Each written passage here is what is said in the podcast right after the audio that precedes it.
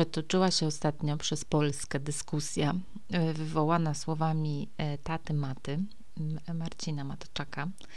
Jeśli nie wiecie, kim jest Mata i jego tata, to Mata jest raperem. W zeszłym roku nagrał utwór Pato Inteligencja.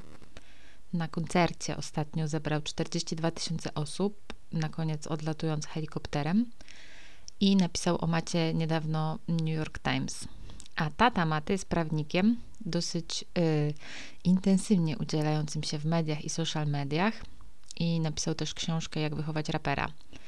I niedawno tata Maty udzielił wywiadu, w którym mm, trochę w taki sposób pogardliwy wypowiada się o ludziach nieumiejących zapierdalać, niegotowych na zapierdalanie po 16 godzin dziennie. Ktoś zresztą przytomnie zwrócił uwagę na to, że skoro tata maty zapierdalał 16 godzin dziennie, to kiedy miał czas wychować rapera? Ale mnie to w sumie nie interesuje aż tak bardzo. Interesuje mnie za to duża reakcja na te słowa o charówce i kilka artykułów, które się pojawiły i w których rozmówcy opowiadali, że też pracowali po kilkanaście godzin dziennie i że był to największy koszmar ich życia. Dużą reakcję wywołała też wymiana zdań taty Maty z Adrianem Zandbergiem. E, w dyskusję wdali się panowie na Twitterze i Zandberg słusznie skądinąd wskazał, że polskie prawo nie pozwala na pracę po 16 godzin dziennie, o ile oczywiście pracuje się na tak zwany UOP, co pewnie wiele osób e, i tak skwitowało śmiechem. No bo ręka w górę, kto nigdy nie robił nadgodzin i kto z nas nigdy nie zapierdalał ale uważam, że jest coś głęboko niewłaściwego w podejściu, że człowiek może pracować po kilkanaście godzin dziennie i że jest to jakaś wartość. I że wiecie, każdy, kto zaczyna w kancelarii, wali góra, wyrwi dąb i partnerzy, to przynosi sobie śpiwór do pracy. A nowego pracownika ocenia się po tym, o której wychodzi do chaty i jeśli przed swoim szefem to słabo, a jeszcze gorzej jak o 17.01. I raz, że trochę bawią, a z drugiej strony trochę wkurzają mnie te wpisy w social mediach, że na przykład oto nadchodzi piątek, więc zaczynam nową książkę. Najlepiej o tytule 27 porad, jak lepiej zarządzać czasem, bo w weekend oczywiście trzeba czytać rozwojowe książki, zamiast na przykład oglądać Masterchefa. Ja oczywiście jestem pierwsza do popisywania się multitaskingiem, bo jednocześnie spaceruję z psem e, i słucham e, wartościowych podcastów, albo na przykład słucham webinaru i jednocześnie spisuję sobie jakieś pomysły na nowe odcinki. Ale uważam, że to nie jest normalne. W sensie, że robienie naprawdę dzisiaj dwóch albo nawet trzech rzeczy jednocześnie jest jakąś plagą i jakimś przekleństwem, i większość z nas powinna się tego zapierdalania po prostu oduczyć. I tak trochę się kilka wątków tu zebrało, więc spróbuję je po kolei rozpracować. I zacznę od tego, że ja mam silny kult, kult zapierdalania i pamiętam, że zaczęło się to od serialu Klan. E, pamiętacie pewnie serial Klan, w którym do serialu Agnieszka, starsza córka doktora Lubicza, grana przez Paulinę Holz, dostała pałę z próbnej matury. I potem do tej właściwej matury uczyła się dniami i nocami. I w serialu Klan były takie sceny, kiedy mama Agnieszki, czyli Agnieszka Kotulanka, mówi: Córciu, ale czy ty możesz się może jeszcze trochę więcej uczyć? A córka odpowiada: Mamo, śpię po 3-4 godziny. No i ten wysiłek Agnieszce się opłaca, bo maturę zdaje na czwórkę, ale no po serialu Klan właśnie było liceum, gdzie wierzę, że niektórzy naprawdę zapierdalali nocami, żeby po prostu się czegoś nauczyć, albo na przykład zapierdalali, żeby spisać sobie notatki z Polaka, bo codziennie był u nas w klasie plebiscyt, kto ma więcej notatek. I teraz powiedzcie mi, gdzie tu jest sens? Dlaczego musieliśmy robić pisemne notatki na 5-6 stron, jak można sobie było nagrać lekcję, albo spisać w punktach, albo narysować mapę myśli? Ale nie. Chodziło o to, że codziennie trzeba było odrobić pańszczyznę. Po prostu. Dla samego faktu po prostu y, uciemiężenia. Na studiach też było zapierdalanie, przynajmniej na Mischu, tam gdzie studiowałam, bo tam samemu się sobie ustalało plan zajęć i minimum programowe to było 18 godzin w tygodniu, czyli 9 zajęć. ale no 18 godzin w tygodniu to był po prostu szczyt obciachu. Trzeba było mieć dwa albo trzy razy więcej i po prostu na wszystkich październikowych imprezach trwały licytacje, kto ma więcej zajęć i trudniejsze, i potem w sesji, kto ma więcej egzaminów i trudniejsze.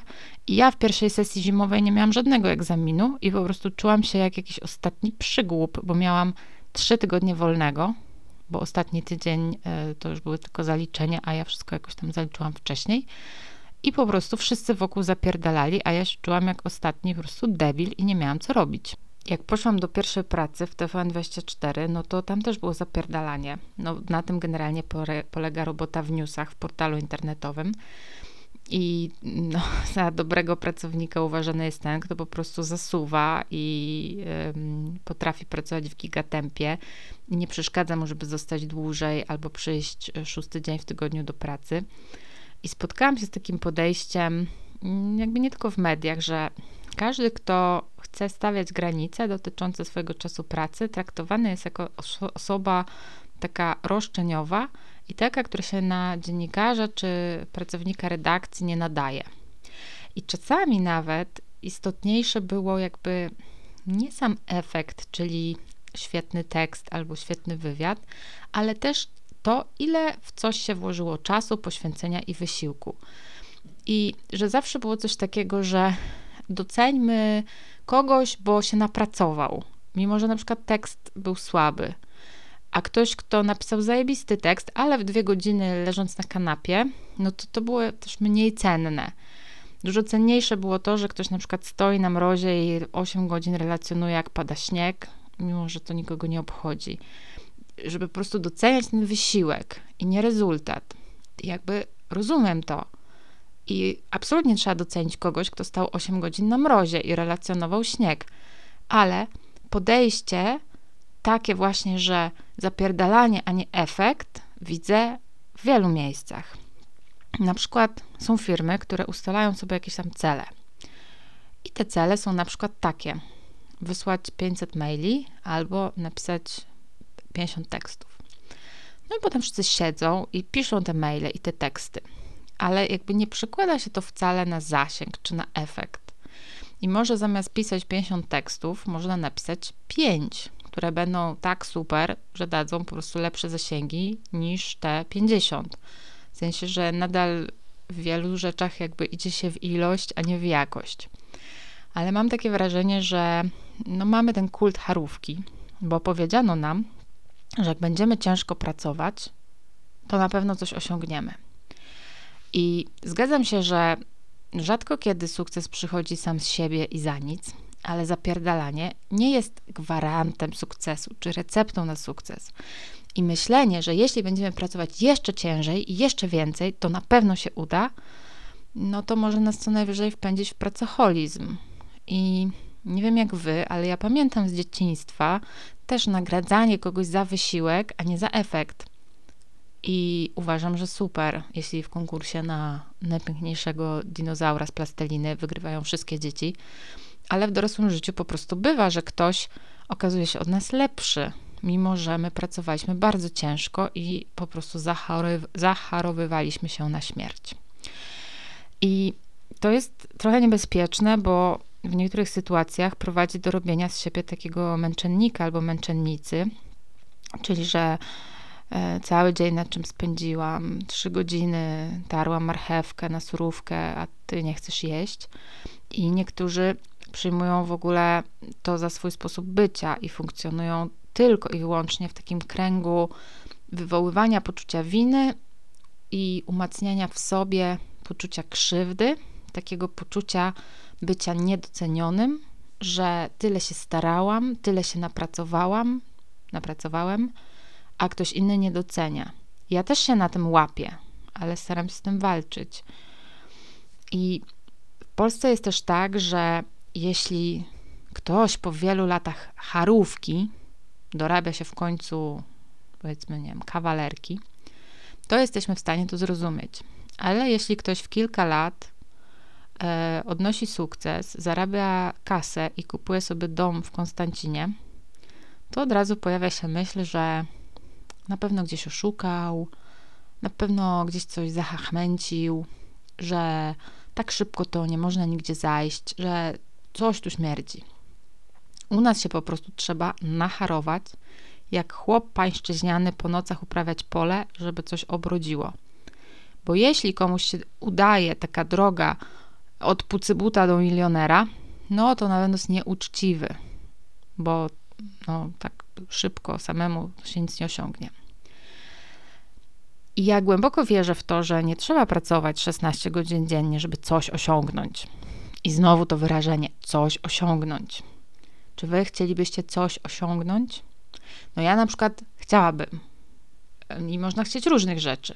Y, pieniędzy, y, na przykład zostania ekspertem lub ekspertką w jakiejś dziedzinie. Można chcieć sławy. Ale są też ludzie, i ja to bardzo szanuję, którzy nie mają takich ambicji, nie chcą nic osiągać, nie wiem, w szczeblach swojej kariery zawodowej, tylko sobie chcą pracować 8 czy 6 godzin dziennie, a potem chcą sobie odpoczywać. I co w tym jest złego? Dlaczego miarą człowieka ma być to, jak bardzo ma zajebany kalendarz? I dlaczego ta zajętość stała się tak pożądana?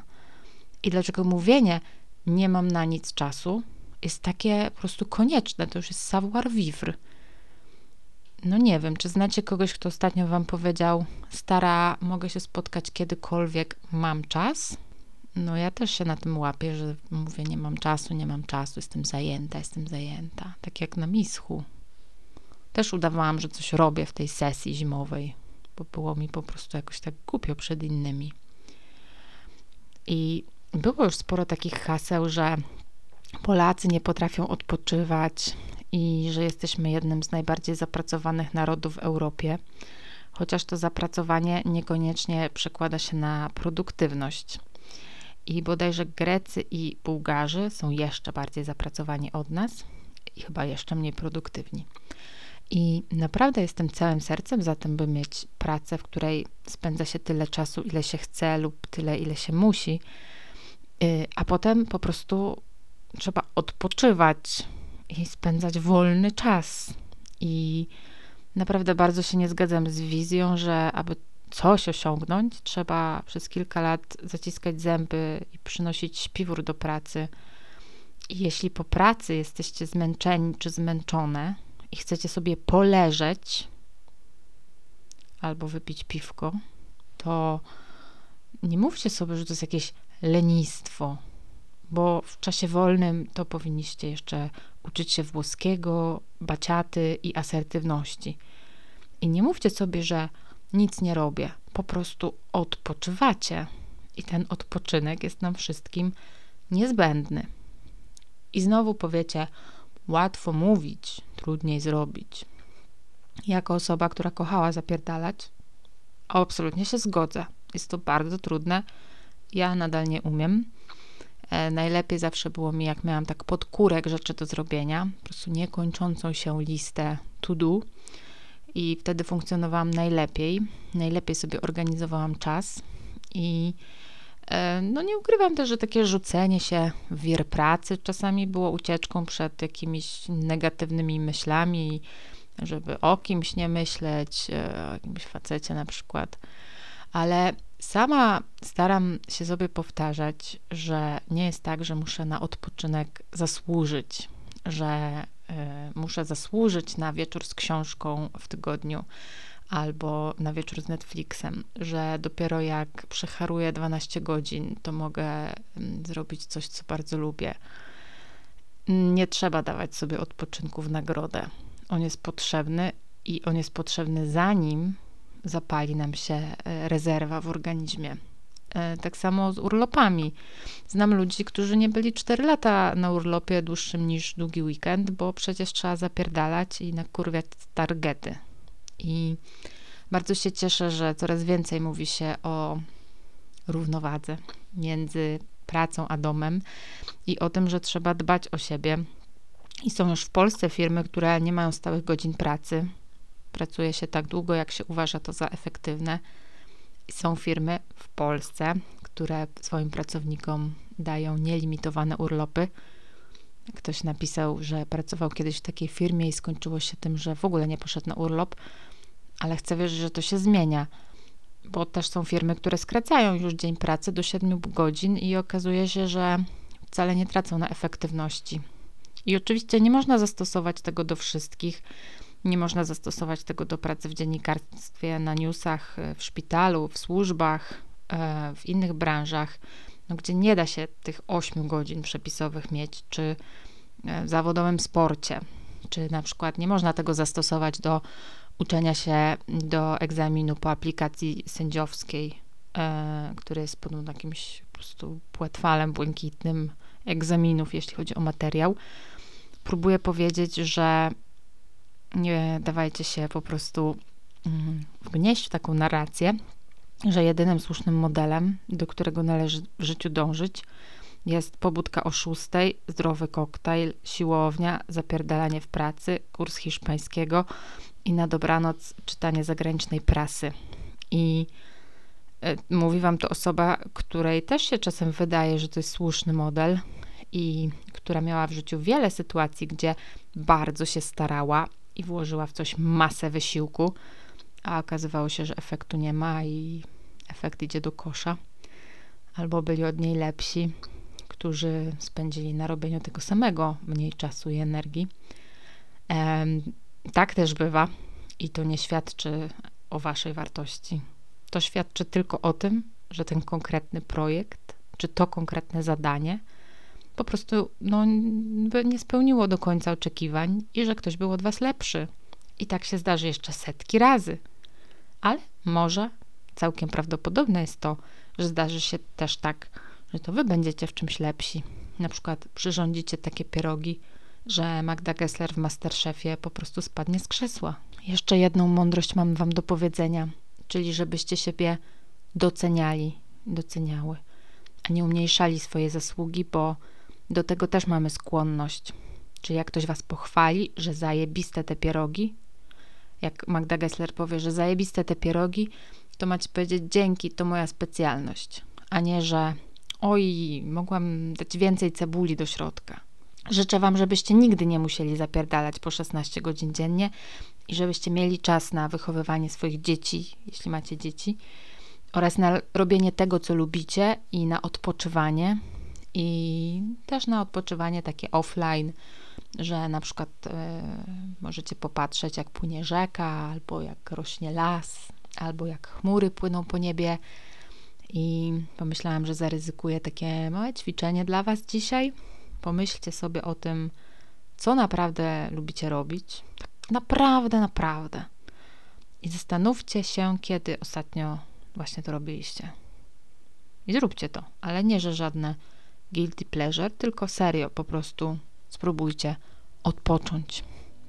I tym samym właśnie życzę Wam miłego poniedziałku i tygodnia, w którym mam nadzieję, że znajdziecie też trochę czasu na odpoczynek po pracy. Pozdrawiam Was i do usłyszenia na szezlongu.